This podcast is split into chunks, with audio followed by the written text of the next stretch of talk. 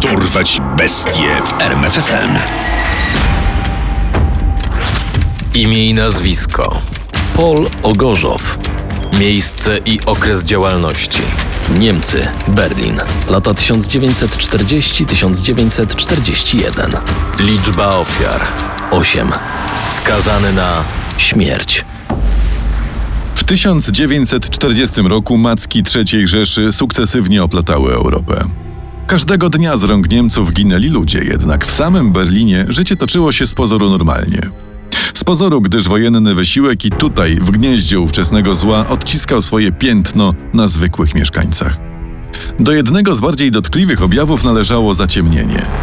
Władze, w obawie przed alianckimi nalotami, nakazały wyłączenie całego oświetlenia miasta. Także samochody musiały poruszać się częściowo z zakrytymi reflektorami. Nocą Berlin spowijał absolutny mrok. Mrok, który stał się tłem działania bestii.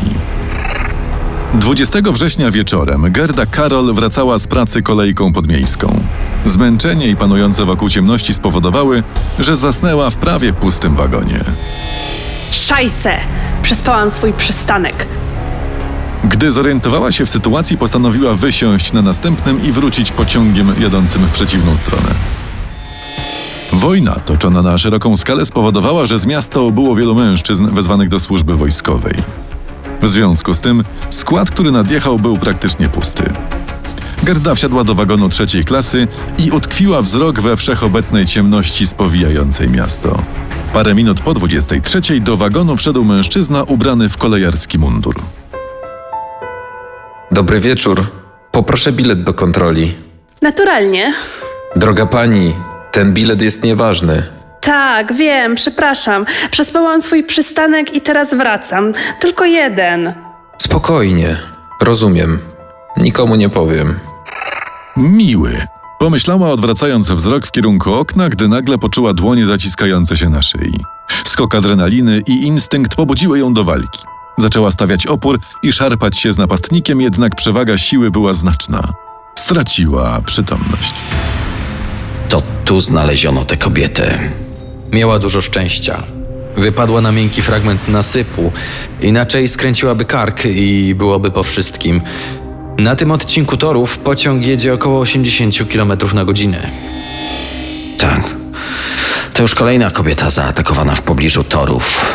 Myśli pan, że to ten sam sprawca? Jest taka szansa. Pewnie jakiś Żyd albo pracownik ze wschodu. Oficjalna propaganda III Rzeszy nie dopuszczała, by przestępcą był pełnoprawny obywatel Niemiec. We wszelkich sprawach kryminalnych z urzędu jako sprawców typowano element niepożądany Żydów, komunistów, pracowników przymusowo zwożonych z krajów okupowanych. Była to jednak oficjalna linia partii.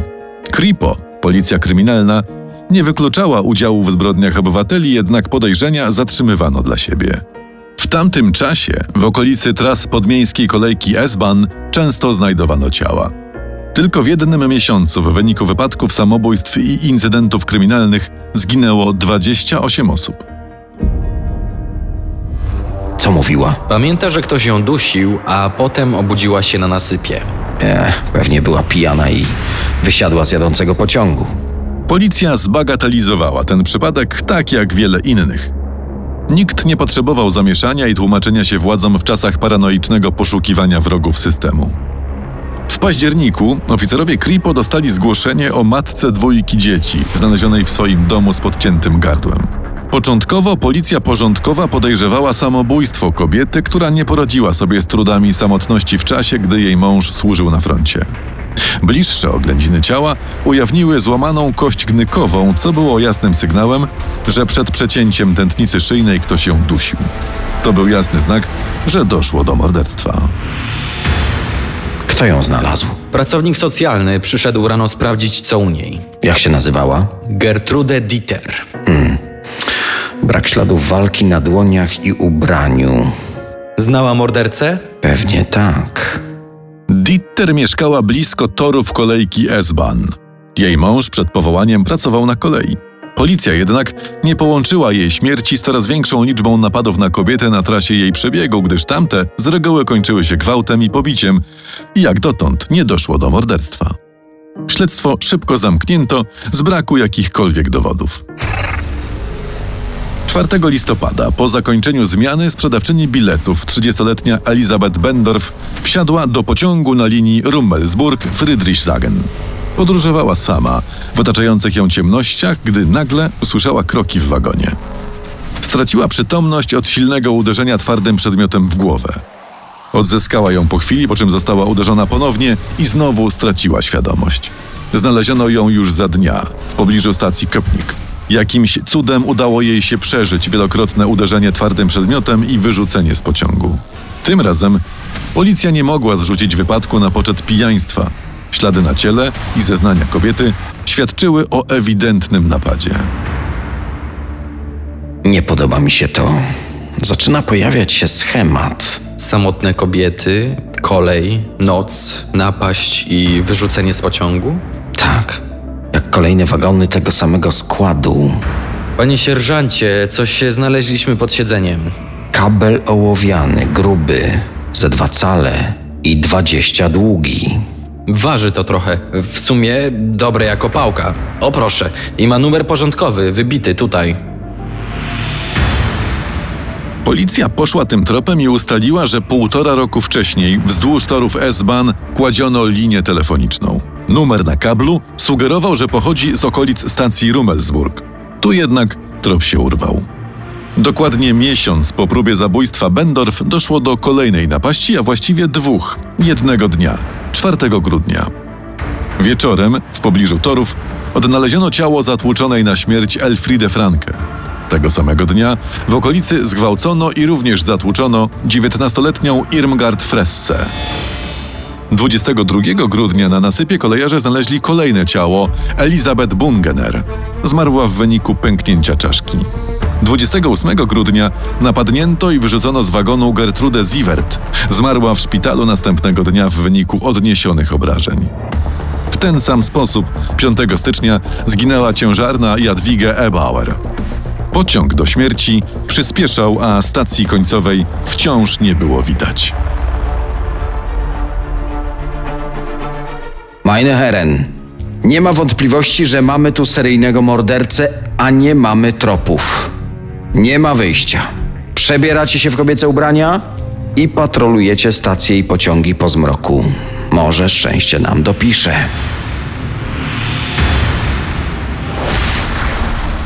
W przypływie desperacji policja uciekła się do przebieranek. Jako wabie zatrudniono nawet kobiety, oferując im jako jedyną ochronę wzmocnione nakrycia głowy.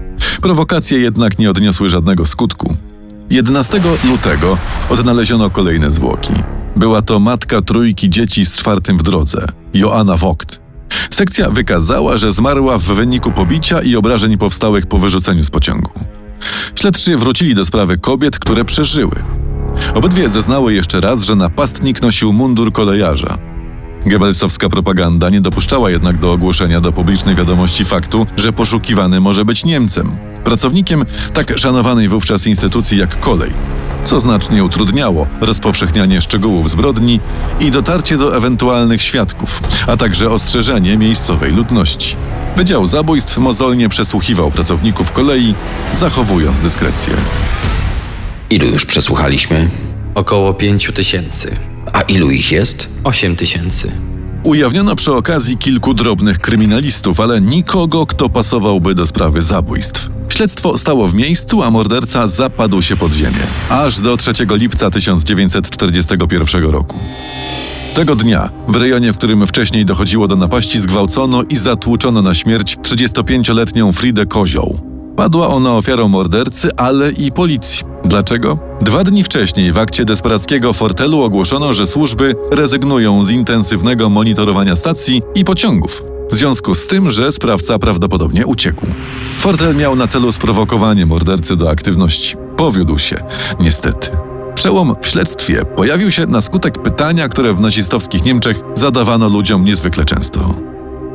Rutynowe przesłuchania pracowników kolei przyniosły efekty. Jeden z robotników zauważył, jak jego współpracownik w trakcie pracy przeskakiwał ogrodzenie i ukradkiem znikał, po czym po jakimś czasie wracał normalnie do pracy. Był nim Paul Ogorzow, pomocnik nastawniczego. Przesłuchiwaliśmy go już. Tak, dwa razy. Z harmonogramu wynika, że był w pracy w trakcie kilku zabójstw. Dawać mi go tu jeszcze raz. 12 lipca doprowadzono Ogorzowa na przesłuchanie do Kripo. Najpierw zaprzeczał, jakoby miał opuszczać miejsce pracy, potem jednak zmienił wersję.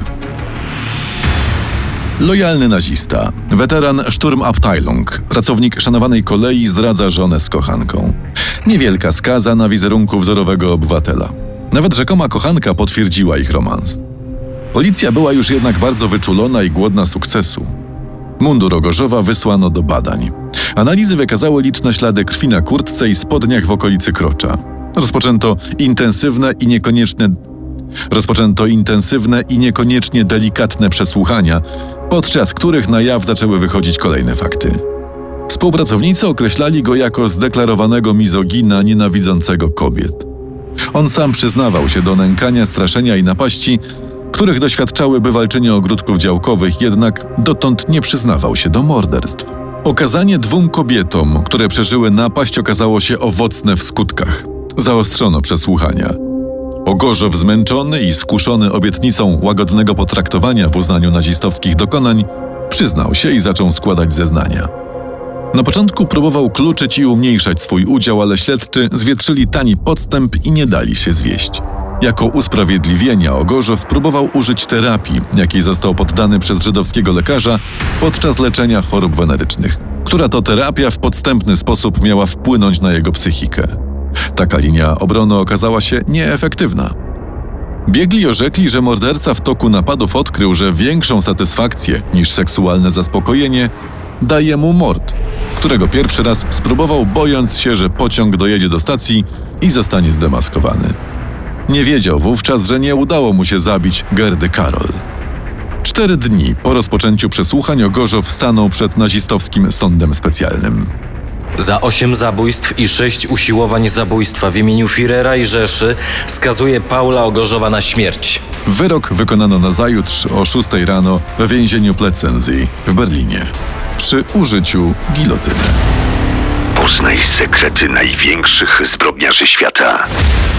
Dorwać bestie w RMFFM.